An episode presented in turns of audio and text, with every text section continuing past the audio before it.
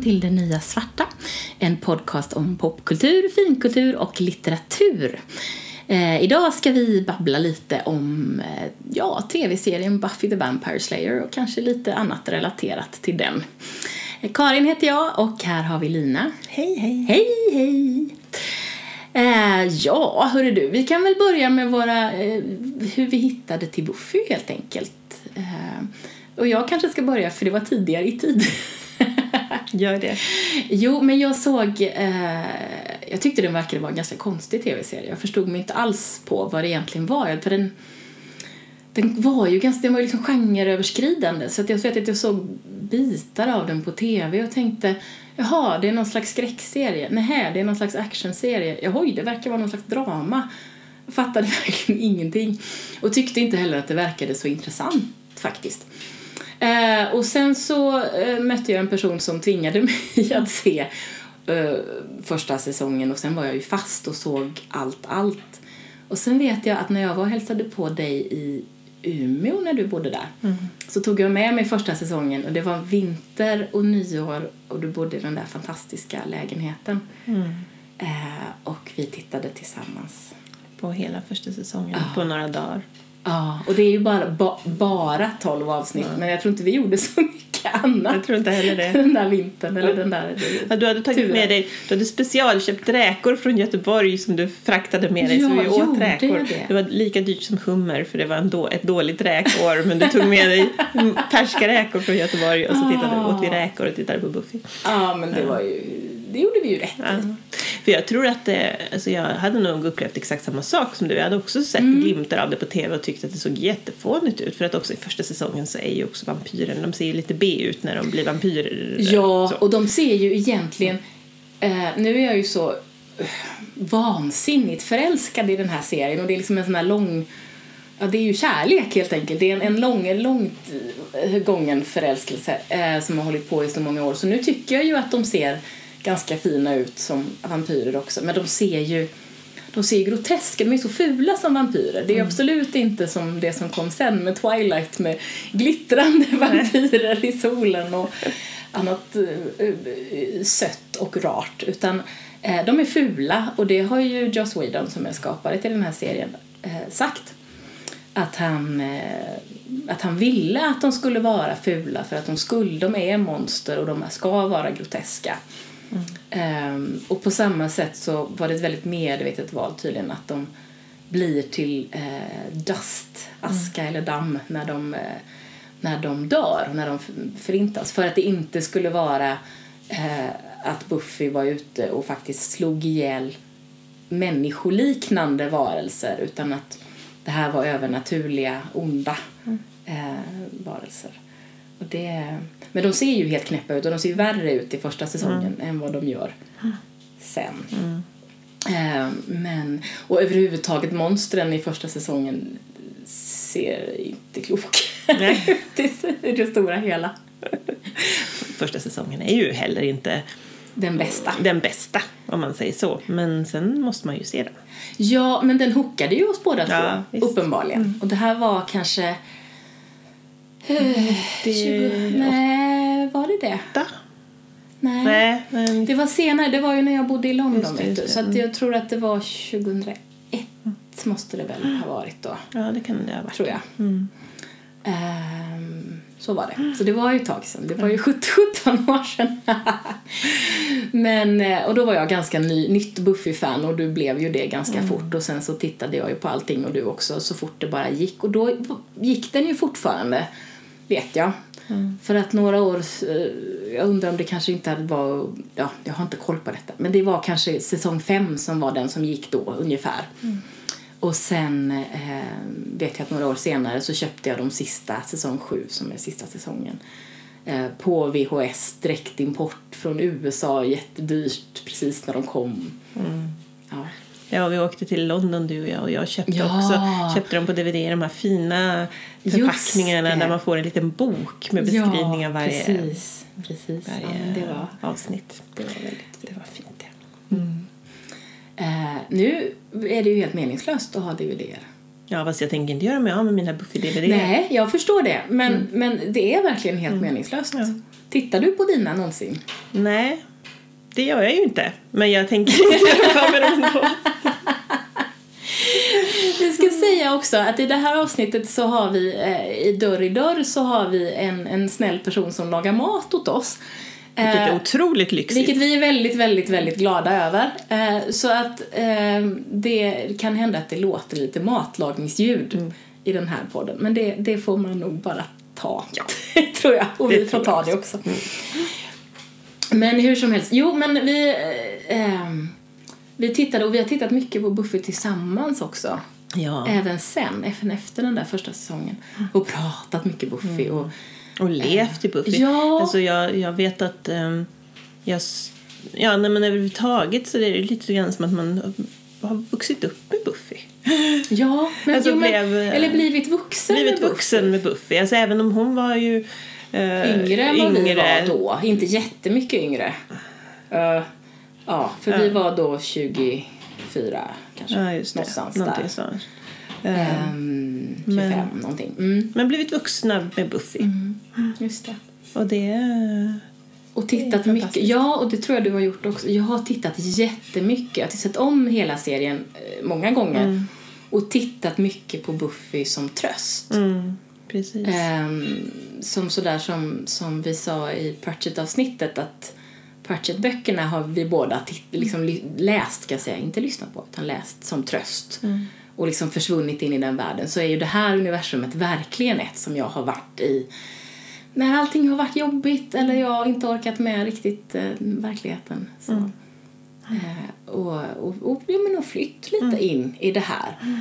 Eh, och jag tror att den här, det här som jag tyckte var så konstigt från början som handlade om att det är väldigt genre ospecifikt och eh, liksom svårbestämt eh, det är ju det som jag älskar nu. Mm. Att det är allt. Mm. Eh, och det här att de har ett eget, en, ett helt eget språk som mm. naturligtvis är ganska orealistiskt att ett gäng tonåringar på eh, ett gymnasium skulle kunna utveckla. Men det är så fint och de mm. pratar så, eh, de är så, liksom, de pratar så där snabbt och smart mm. och eh, roligt mm. eh, som jag blir lite lycklig av. Ja, det är en väldigt intelligent serie på ja, det sättet. Alltså det det, sättet. Den är lättillgänglig, den är rolig, den är sorglig Mörk. och hemsk. Men den, och den, den är smart. Mm, den är smart. smart. Mm. I grunden är den väldigt smart. Vi kanske ska, om det nu råkar vara så att någon inte vet vad den handlar. Mm. Hur man nu inte nu. kan veta det. Men... Hur man nu inte kan veta det.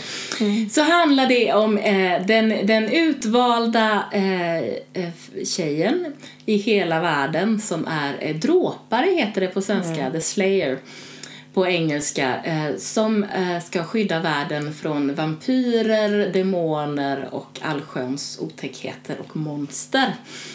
Eh, och det kom ju en film först som Joss Whedon hade skrivit men som han inte regisserade om jag kommer ihåg rätt med Christy Swanson som Buffy. Och vad heter den? Från eh, Beverly Luke Hills? Perry ja, som hennes eh, pojkvän-ish. Precis. Um, och de har faktiskt, när de gjorde Buffy-serien så la de ju ändå som om filmen var den som hade hänt först och sen kom hon, hon och hennes mamma, hennes föräldrar skilde sig, hennes, hon och hennes mamma flyttade till Sunnydale. Uh, som man ganska snabbt får reda på ligger på en hellmouth, någon slags eh, uh, helvetesgap. Uh, ehm, och därför är det osedvanligt mycket eh, demonisk och vampyrisk aktivitet där, så hon har mycket att göra, Buffy. Mm. Och när då en, en slayer dör så tar nästa slayer vid. Ja. Så det är någon slags Precis. blodslinje där. Mm. Precis. Och eh, det som händer, nu spoilar vi första säsongen av mm. Buffy. Det som händer i slutet är att Buffy faktiskt dör i ungefär tio minuter, en kvart eller mm. något sånt. Och det betyder att en ny Slayer blir kallad så att linjen egentligen flyttas redan då från Buffy till eh, någon annan det gör ju att det finns två Slayers i världen från och med den. Däremot är det inte två Slayers med i serien mm. hela tiden från och med då. Men det finns i alla fall. Och det är, är spännande. Men det som egentligen gör, tror jag, ehm, som är så himla sympatiskt också med den här serien, det är ju att hon har kompisar. Mm. Och hon har väldigt eh, intressanta, skärmiga kompisar som man kan relatera till i det stora hela. Eh, Willow är ju hennes, eh, Willow Sander är hennes närmaste bästa vänner och Willow är en, en nörd. Mm. Nörd, typisk nördtjej. Hon börjar att vara datanörd. Typ. Mm. Bara en sån där duktig, duktig i skolan, datanörd, smart som 17. Kanske inte eh, den mest utvecklade sociala förmågan eh, i alla lägen och framförallt inte i det här tonårssociala. Ganska duktig på vuxna, det vuxna sociala men kanske inte det tonårssociala. Eh, och eh, Sander är ju eh, han är ju lite trist faktiskt egentligen. Ja, han är, han väl, är lite söt men trist. Ja, den söta, den lite roliga, den lite klumpiga, lite, lite Tafatta, säger, han säger väldigt mycket dumma mm. grejer. Mm. Och det blir lite bättre ju längre serien går men speciellt, eh, jag såg om den i våras kanske det var. Mm. Eh, och eh, det är klart att han han vräker ju ur sig grodor och med 2018 års ögon så är grodorna mycket tydligare än vad de har varit för mig kan man väl säga. Det är ju ett bra tag sedan jag såg den här serien ja. faktiskt så att jag, jag kan tänka mig att det är så. Jag, jag kan ju inte... Mm. Ja. Mm. Mm. Men han, han ja, mm. så, så är det. Mm. Eh, och eh, sen så tillkommer det ju flera i, i eh, andra säsongen skulle jag tro att det är så kommer Oz också. Som är varulv, eller om han kommer redan. Nej, han kommer inte i första säsongen. Nej, han kommer i alla fall i andra eller tredje säsongen. Och så Cordelia. Och Cordelia är med från början. Hon är ju den populära tjejen i skolan och leder eh, Cordelia-klicken, The mm. Cordettes, som är de populära bitchiga tjejerna. Och eh, det konstiga med det på något sätt egentligen historiemässigt är ju att hon på något sätt, hon får ju reda på i, under första säsongen att det finns vampyrer och monster här i världen och hon allierar sig liksom lite i smyg med mm. Buffy och hennes kompisar för hon inser att det är ju bra om det kommer läskiga monster. Men eh, ja, hon, hon erkänner, det tar ju lång tid innan hon erkänner att hon faktiskt är kompis med dem. Mm. Och sen så har ju Buffy sin, um, vad heter det, Watcher. Uh, ja, Giles, och som, är bibliotekarie va? Skolbibliotekarie. Precis. Eh, och britt. För mm. att av någon anledning så är The Watchers Council är situerat i Storbritannien. Mm. Um, så det var lite om vad det faktiskt handlar om och nu det finns ju så, så mycket underbara karaktärer. Vem, om du tänker på, förutom Buffy då, vi tar bort Buffy. Om du tänker på hela serien, vem är din favoritkaraktär? Oj, vilken mm. Eh, fråga. Jag kommer fråga om favoritskurk sen så du kan, eh, om du har någon som passar in i båda så kan du Oj välja och vraka? Ja, ja om jag, någon som passar in i båda. Det är klart att min favoritkaraktär är ju Spike. Ja. Det finns ju inte någon, det finns inte någon annan. Sen är jag väldigt, väldigt förtjust i Giles. Jag tycker att han är en mm. underbar karaktär. Mm, eh, men, men, men Spike, herregud, ja. Spike. ja, alltså jag älskar ju Spike även om eh, Spike är ju då en vampyr som kommer in i säsong tre, tror jag det eh, Och eh, som liksom hänger i och kommer tillbaka i flera omgångar och som har väldigt spännande resa från bara rakt av ond till något annat. Mm. Ja, inte god, men något inte riktigt rakt igenom ond. Och han har framförallt mot slutet av serien har han ganska mycket intressanta reflektioner kring det här att ja, fast jag vill ju faktiskt inte att världen ska gå under för jag tycker att här världen är rätt schysst. Jag, det finns gott om människor som jag kan ät, dricka blod ur och eh, allt är bra liksom. Vadå? Jag vill inte ha någon slags demonvärld. Det verkar jättejobbigt. Och det, det tycker jag är kul för han ifrågasätter ju, och det gör ju serien i det stora, stora hela, ifrågasätter ju många av de här eh, grundläggande tropesen och arketyperna som finns i, i både både fantasy och eh, skräck och alla möjliga. Den, den, den vänder ju upp och ner och det är ju egentligen, hela grundhistorien är ju, och det har ju Joss Whedon pratat om, att han tänkte, men vad hände om den där blonda tjejen som bara springer för sitt liv och skriker, om hon vände sig om och tog fighten? Det är ju det som är grund. Eh, och någonstans så tror jag att den idén som ju fördes in med Buffy då har bli, nu blivit eh, lite mer mainstream så det är inte lika konstigt Nej. längre att tänka så som det var på 90-talet när den här serien kom och framförallt när, när filmen kom i början av 90-talet någon gång. Mm. Nej, hon, Buffy har ju fått väldigt många efterföljare. Faktiskt. Ja, så. och det är ju det är fantastiskt. underbart! Eh, men ja, alltså min favoritskurk är nog Spike, tror jag. Eh, absolut. Jag älskar Spike. Han är, han är fantastisk och han har eh, några av de mest underbara repliker mm. i hela serien. Har han. han är ju roligast. Han är fantastiskt, han är fantastiskt rolig, rolig och han är eh, smart och han eh, avfärdar folk och är stöddig på ett roligt, varmt sätt på något vis. Trots mm. att han är så ond i grunden. Eh, för att vampyrer har ingen själ. Mm. I den här låren så har vampyrer ingen själ och det innebär att de inte kan vara goda mm. I grunden. Eh, men en av mina absoluta favoritkaraktärer är ju förstås Willow. Som, alltså jag kunde identifiera mig med hennes nördighet väldigt mycket. Eh, och sen eh, så eh, senare i serien när hon, hon får magiska krafter och hon blir häxa och eh, när hon också blir ond. Mm. Eh, jag kan någonstans väldigt starkt eh, sympatisera med henne och hänga med i hennes resa från från den här lilla nördiga tjejen till eh, ändå en i slutet av serien en, en ja, nästan vuxen ung kvinna som har varit med om väldigt mycket i sitt liv. Mm. Uh, och det, och kommit, liksom, jag menar, kommit fram till vem hon är och vad hon vill och hur hon ska göra och sådär.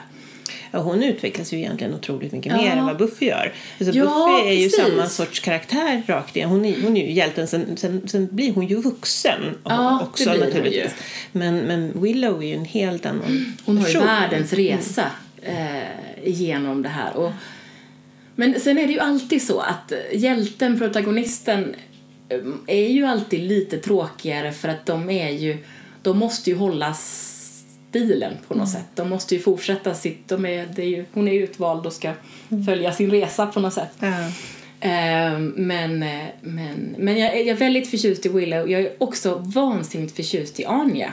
Mm. Som kommer i, eh, slu, ja, i säsong tre tror jag hon dyker upp och sen så kommer hon och är med på riktigt i säsong fyra och är en före detta hämnddemon mm.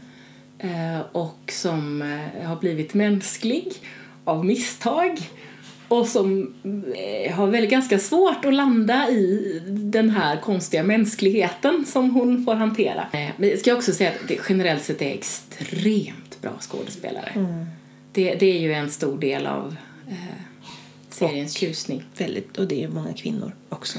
Många kvinnor. Mm. Och de män som finns, eh, förutom Sander. Mm.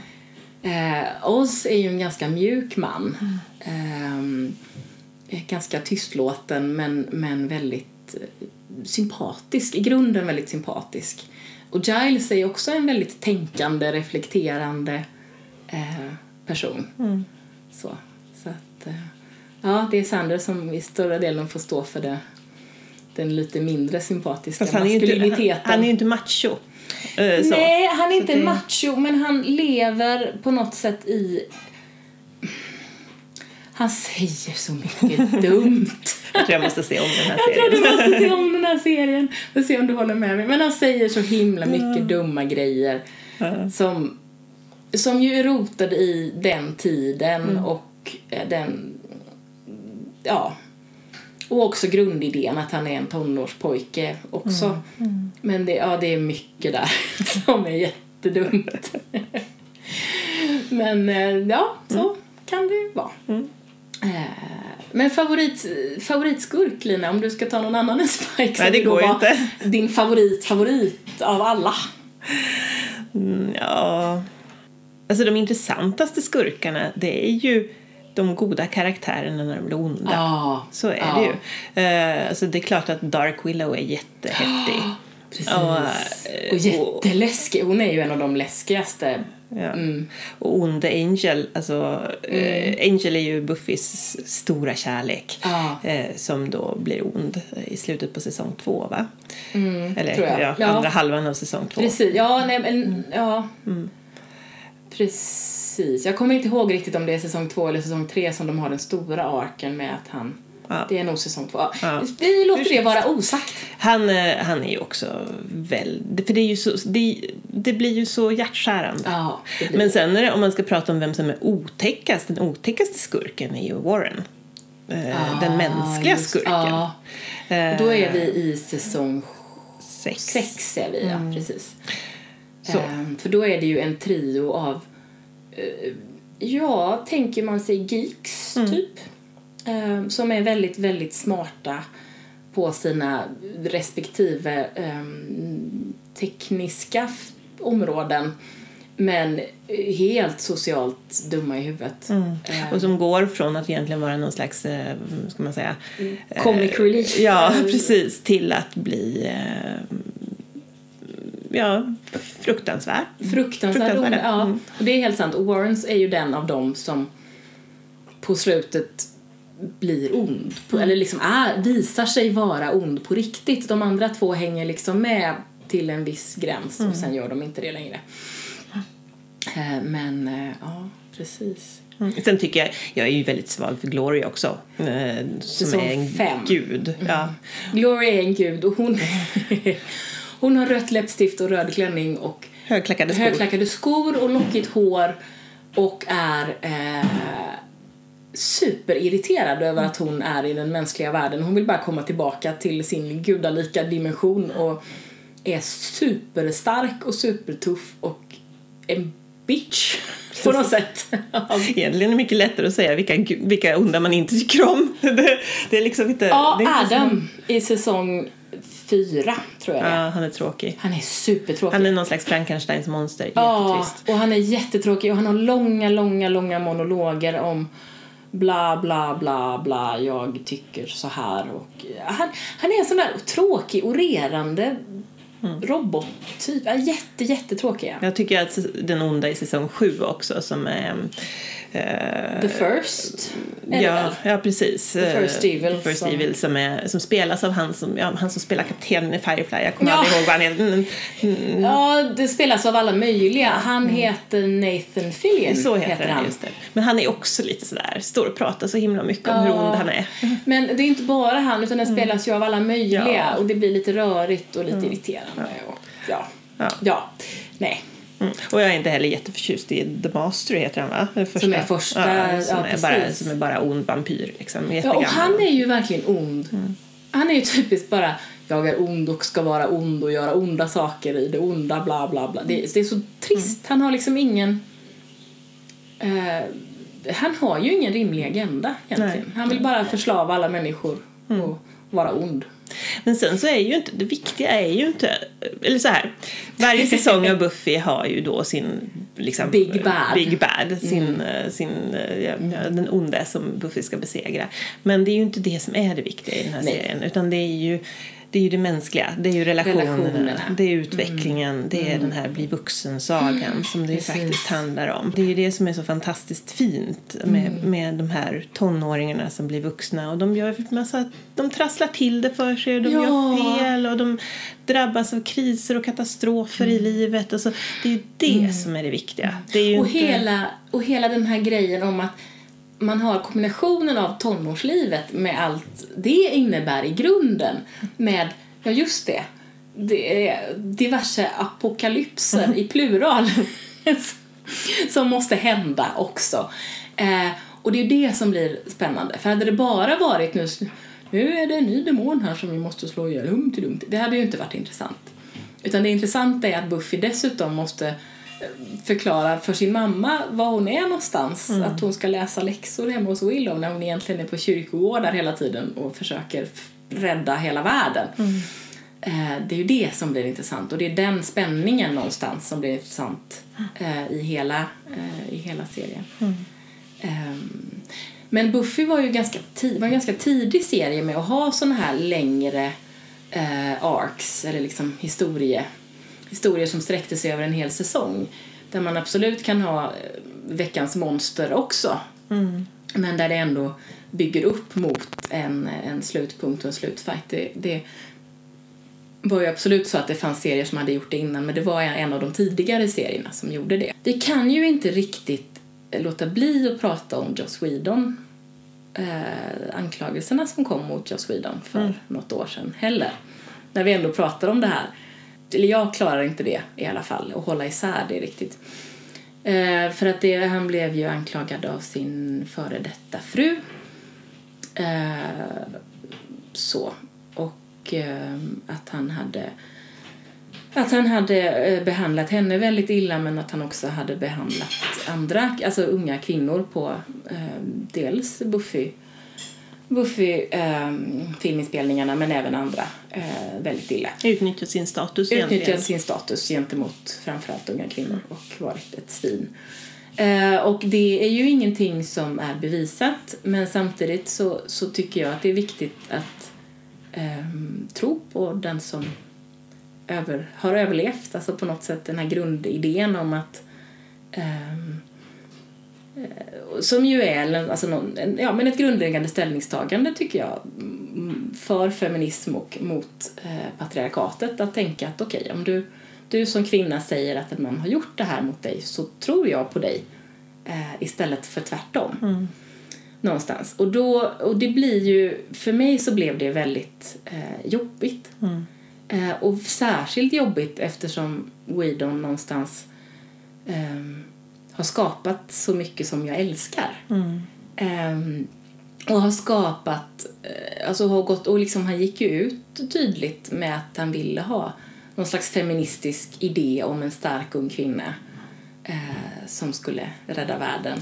Ja, men han har ju byggt upp hela sin eh, image, man, hela sin mm. image på att vara mm. eh, den manliga feministen ja. som skildrar starka kvinnor som tycker mm. det är mm. självklart att starka kvinnor mm. ska synas mm. på det här viset. Alltså, som har ja, men hela, hela, hans, ska man säga, hela hans verk Precis. har ju haft den inriktningen. Och den liksom, det har andats det. Och han har, jag tror att han har vunnit en del på det också. Ja, han har säkert förlorat en del mm. på det också, för mm. att eh, så är det ju. Eh, men jag tror att han har vunnit en del på det och jag tror att vi var många fans av hans eh, verk som tyckte att det blev väldigt svårt mm. eh, när det här kom ut. Eh, och på något sätt är det ju också så att man kan ju inte det är ju han som har skapat historien och han har skrivit många avsnitt och han har regisserat många avsnitt. Men det är också så att det är ju vansinnigt många andra människor som har skapat den här, mm. också liksom varit med och sett till att den här serien som jag älskar så mycket har blivit till. Mm. Så det går ju inte, jag, jag tänker inte döma ut den på grund av det. Nej, det kan man ju inte riktigt göra. Och speciellt inte i efterhand Nej. på något vis. Alltså det här är ju en, eh, det är en serie som, som, som ja, som, som har varit revolutionerande ja. eh, och som har gett oss fruktansvärt mycket mm. och som har eh, på något sätt gett väldigt, väldigt många väldigt, väldigt mm. mycket. Eh, så det är klart vi kan inte döma ut det men det sätter ju verkligen fingret på det här problemet mm. med geniet som visar sig vara ett svin. Ja, kanske. Precis, och, och, och, och det här som ju, och det ligger ju naturligtvis mm. i tiden just nu att många genier eh, mm. blir avslöjade som mm. svin Um, vilket ju är naturligtvis är för, förfärligt på alla möjliga sätt. Men vilket kanske inte heller är så konstigt. Därför att vi lever i ett patriarkat och vi lever också i ett samhälle som idoliserar de här kreativa genierna och som ursäktar dem mm. väldigt mycket. Eh, så att jag tänker att män som eh, på något sätt har upphöjts till den statusen um, får nog ganska lätt den här formen av storhetsvansinne där de tror att det inte går att komma åt dem och de tror att de kan göra som de vill. Mm. Så. Eh, vilket ju är helt sjukt. Och gömma sig bakom också, ja men jag tillhör ju de goda. jag gör ju det här. Mm. Precis. Mm. Jag är ju så god. Mm. Eh, och det är, alltså snacka om nyanser. Eh, så. Men eh, men det jag kan säga är väl att det får mig ju inte så sugen på att hänga med Weedon in i något nytt projekt han håller på med. Nej. Det, och så, då kan jag väl i och för sig säga att det han har gjort de senaste tio åren har jag kanske inte varit lika intresserad av som Buffy. Eh, han har ju regisserat en del eh, Marvel, någon mm. Marvel-film eller några stycken kanske, jag kommer inte ihåg riktigt. Och han har gjort lite annat som jag inte har varit sådär jätteengagerad i. Um, och det handlar ju lite om att, uh, att jag är mer intresserad av mer uh, det här lite fantasy-skräckartade som var Buffy än de andra genrerna som han gärna rör sig i. Mm. Så kan det ju också hända. Att det, ja. ja, och sen är det ju när man har haft en sån otroligt stark ja. upplevelse som det var med Buffy för oss båda mm. så tror jag också att det är svårt. Man letar efter det. Ja. Man letar och hittar efter, inte det. Ja. Och det är ju jättes, det är klart att det är jättesvårt. Vi, vi, kan inte, vi kan inte växa upp tillsammans med en, Nej, det kan eller bli vuxna tillsammans med en kar karaktär. Och vi kan inte, alltså, ja. Nej, men sen så tycker jag ju att det, det jag har sett som Joss Whedon har gjort efter Buffy, det har ju varit bra. Ja, det men, har ju varit kvalitativt. Ja, men, men kanske inte lika intressant. Och där, mm. uh, har du sett hela Angel? Nej, jag har Nej. sett den första för tre, fyra säsonger. Ja, för jag tror att det finns fem säsonger och jag tror att jag har sett de första fyra. Uh, och sen, för det var aldrig en lika intressant serie mm. för mig. Den, den var intressant, men den var aldrig lika intressant och sen hamnade jag i ett läge där den var, gick inte för mig att få tag på på något rimligt sätt. Uh, så då slutade jag och har liksom inte tittat om på den. Um, och sen tittade jag ju på hela Firefly uh, och tycker ju att den, att den är, är, jo, men den är bra. Men den är ju inte för mig Nej. på samma sätt. Nej. Och samma sak, jag såg första säsongen av Dollhouse. Tyckte ja. den var bra. Men var inte tillräckligt engagerad för att se andra säsongen. Nej, Dollhouse tror jag att jag såg jag tror att det bara var två säsonger mm. om jag kommer ihåg rätt. Jag tror att jag såg båda säsongerna om jag kommer ihåg rätt. Men mm. eh, problemet med den, om man nu ska prata mm, vad den handlade om, det var ju att de var Eh, Eh, de här eh, dock, dockorna eh, lånade ju, eller blev ju olika personer hela tiden. Så att den här grundkaraktären som eh, Eliza Dushku spelade, hon, det var hon som spelade Faith som var en slayer i Buffy också. Eh, men den grundkaraktären som hon spelade, den fick man ju inte träffa så mycket utan man fick ju mest träffa henne när hon var någon annan. Och det var ju likadant med de andra personerna, alltså dockorna, eller vad man nu ska säga, som hon omgav sig med, som var hennes gäng, att man mest fick se dem som något annat. Och det gjorde att det var väldigt svårt för mig att bli känslomässigt engagerad i de här karaktärerna mm. när jag liksom inte fick se dem tillräckligt mycket, även om jag då tyckte att de var ganska intressanta. Mm. Mm. Så det var en, en grundpremiss som gjorde att jag liksom inte fick, inte blev så, det var inte så spännande. Nej. Helt enkelt. Men sen, och sen är det ju, alltså det är ju någonting speciellt med den här växa upp växa upp-genren. Som Då var vi ju ändå ganska gamla. Ja, alltså, men det, ändå, det finns, det finns ju ändå möjligheter i det. Och det mm. fanns ju också, och sen så var det väl också, det här var väl det, alltså det var ju inte det första Joss Whedon gjorde, men han har ju använt så mycket av de här sakerna som mm Eh, nu tänker jag på det här fruktansvärda avsnittet när Buffys mamma dör. Mm. Där han använder sin egen... Eh, Säsong fem, ja, tror jag. Sin egen mors mm. död, mm. tror jag, i det. Mm. Liksom. Och som också som berörde mig fruktansvärt mycket eftersom oh, min mamma blev ska, ja. hjärnskadad under mm. samma tid. Liksom. Mm. Att det, eh, det brinner. De här avsnitten, eh, snitten, som verkligen som är de, de bästa Buffy-avsnitten. Det där har han ju mm. använt hela sig i. Och, och skådespelarna ja. och manusförfattarna har också använt hela sig. Precis. Eller hur? Ja. För att någonstans så, där hade han ju en sabla tur som fick tag på Sarah Michelle Gellar ja. som spelar Buffy. Som även om vi nu sa att hon var en tråkig protagonist mm. så hon, hon kan vara rolig, hon kan vara tuff, mm. hon kan vara superkänslosam, hon kan vara kär, hon kan vara mm. ledsen, hon kan slåss som bara 17, hon kan göra volter, hon kan sjunga, mm. hon kan dansa, mm. hon kan allt mm. den här kvinnan. Så att, eh, och det tror inte jag att eh, de visste riktigt Nej. när hon blev, eh, när hon castade henne. De visste ju säkert mycket. Mm. Men hon var ju en såpa-skådespelare och hade inte gjort speciellt mycket innan Buffy. Mm. Nej, och hon är ju, nej, hon är ju en suverän skådespelerska. Ja. Jag undrar för hon har ju inte gjort så himla mycket efter Buffy. Nej, eller hon har gjort ganska mycket men hon har inte gjort så mycket som jag har tyckt varit intressant. Nej. Hon var någon ganska kortlivad tv-serie som jag försökte titta på där hon spelade tvillingar. Ja, just det. Den såg jag också uh, Den var helt okej okay, tyckte jag. Men jag och då ska jag med liksom, jag har inte tittat på alls ens i närheten av allt hon har gjort.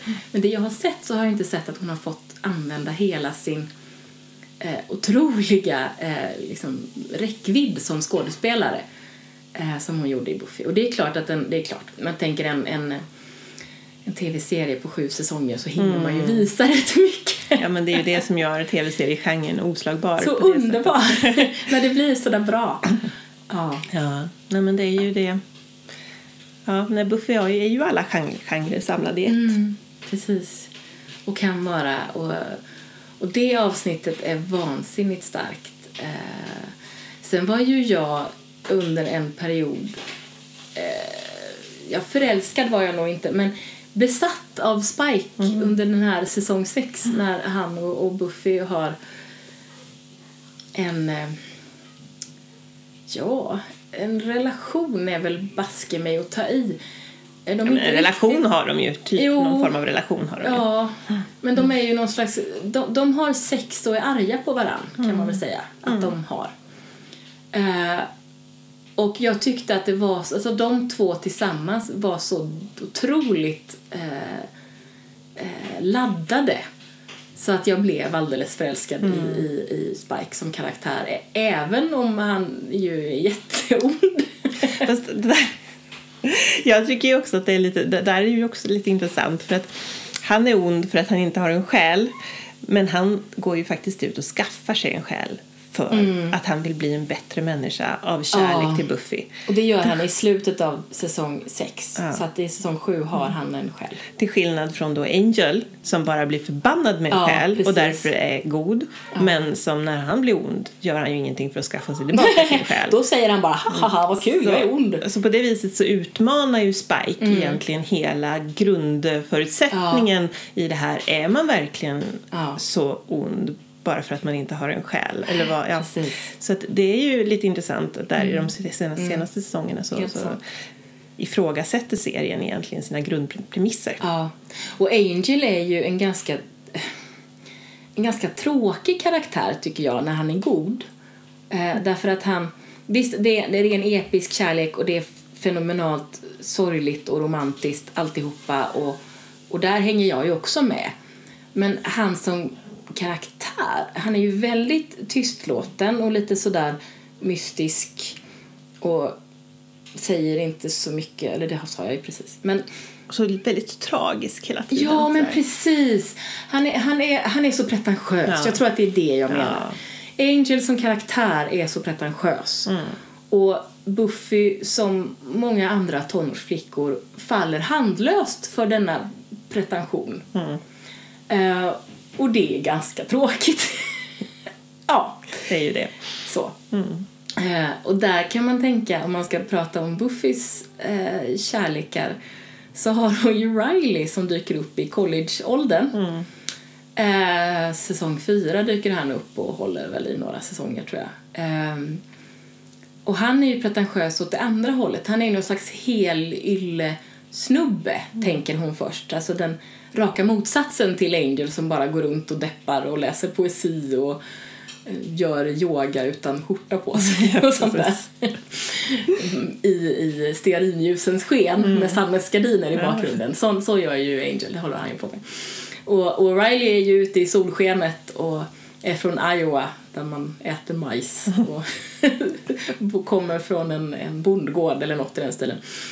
Eh, och ska vara den normala. Men sen visade det sig ju sen säsong fyra att han är ju militär och har en hem, ett hemligt uppdrag också att fightas med demoner och vampyrer.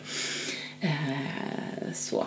Men, eh, men han är ju ändå i grunden som karaktär jättetråkig mm. för att han är en pretentiös militär eh, så helylle amerikan. Mm. Som inte ens när han spårar ur gör det på ett särskilt intressant Nej, sätt. Nej, och när han spårar ur så är det helt det är faktiskt helt obegripligt. Jag fattar mm. ingenting. Mm. Han spårar ur på så sätt att han går till mystiska vampyrbarer och blir drucken i armen av vampyrer. Mm. Eh, fast lite sådär kontrollerat så han inte dör. Mm. Och så försöker han se sådär tragisk ut som Angel såg ut hela tiden fast det kan han inte. För han är inte den typen och sen försvinner han hipp hopp tjopp. Ja. Nej, han är jättetråkig. Jag hade nästan glömt honom. Ja, han, han är faktiskt jättetråkig. Mm. Men det, som, det enda som är bra med honom det är att, att han och Buffy trots allt när de har, när de har, när det funkar ganska bra så har de den första hyfsat hälsosamma relation som Buffy någonsin har haft. Och det är ju bra. Det är ju bra ja. Att, jag menar, ja, han, är, han är snäll mot henne. Vilket, på, på riktigt snäll mot henne och, och håller inte på och har en massa, när det väl är ute det här med det militära så håller han inte på att ha en massa hemligheter för henne mm. och så. Och det är bra och skönt. Men i övrigt fyller han ingen funktion riktigt. Nej. Eh, och han är också, insåg jag nu när jag såg om, han är också jätteirriterande för han försöker rädda henne hela tiden mm. även efter att han vet att hon är the slayer och hon är typ 3000 gånger starkare än vad han är och har magisk eh, hel, helning så att hon läker jättefort och vilket han inte gör och försöker han ändå på något sätt skydda och rädda på ett otroligt tramsigt sätt. Så att, ja. Mm. Mm. Äh, Nej. Han är sådär. Ja. Och jag tänker också att det här med de, de destruktiva relationerna det är också en del i det här växa upp eh, ja. Ju. Alltså, ja. Så, så det, det, det, de, de utforskar ju olika delar mm. av att bli vuxen. Mm. Men alltså den, den mest ändå, tycker jag, hälsosamma relationen, tror jag, i den serien, det är nog ändå mellan Willow och Oz mm. i när de går på high school. För de är faktiskt, i större delen av deras relation så är de ärliga mot varann och snälla mot varann och eh, försöker göra sitt bästa båda två. Sen så skiter det sig på lite olika sätt. Men... Så jag måste se om den här serien nu som vuxen. eller jag, jag, var, ja. vuxen, eller jag var, var, väl mer eller mindre vuxen. men sen har jag ju sett om den ett antal gånger ja. nu. Men det, ska, måste vara, det, det måste vara intressant ja. att se den igen nu. Det är det. Nya äh, glasögon. Tyckte jag. Mm. Och, och sen en annan väldigt fin relation är ju den mellan Willow och Tara som vi inte har pratat om än. Mm. Eh, som ju kommer sen. Eh, och det är en jättefin relation eh, men som Willow förstör. Där hennes magi blir liksom en, en, ja, men som en allegori för ett beroende och hon förstör relationen genom att ljuga och vara eh, otroligt destruktiv mm. utifrån ett beroendeperspektiv. Men eh, ett, en stund där så är det också en väldigt, en väldigt liksom, hälsosam fin relation. Um, Anja och Sander är också ganska bra sen. Ett tag. Mm. Mm. Helt okej okay, i alla fall. Ja, men precis. För att han är ganska emotionellt eh, korkad och hon är en före detta demon som inte förstår sig på hur man är människa. Har sina men, utmaningar. de har sina utmaningar men jag tycker ändå att de, ja, men de mm. får, får till det där ett tag. Mm, mm. Nej men visst, det är ju... Nej, men den, den, ja, nej, men det är ju en serie som handlar om väldigt många, som, tar, som inte, trots att den riktade sig ju till ungdomar mm, eh, så tar den ju, den väjer ju inte för det svåra. De, det svåra. Nej, det är ju precis. trots allt en hel säsong när Buffy är djupt deprimerad. Ja. Eh, som, och Ja, och så tar den upp, mm. ja, men som till exempel mm. Willows drogmissbruk mm. eller vad ska ja. man säga, magimissbruk mm. ska man snarare, mm. snarare säga. Och, ja, men, och, men att de gör varandra illa personer ja, i den här för det gör serien. man ju mm. som människa. Ja, så och, mm. Mm. Precis. Ja, jag tror att vi börjar vara klara. Jag tror att vi aldrig kan bli klara Nej. när vi börjar prata om Buffy, men vi måste nog avrunda. Nej, det här är ju egentligen bara att skrapa på ytan. Ja. Det är ju faktiskt som vi sa lite med Discord, vi skulle kunna prata Buffy alla dagar. Vi skulle kunna ha haft en podd om Buffy. Ja, vi skulle kunna haft en podd om Buffy. Men, men eh, det ska vi inte ha. Nej. Eh, men vi kanske återvänder till eh, Buffyverse, eller i alla fall Whedonverse, mm. lite mer i stort eventuellt framöver. Vi får väl se.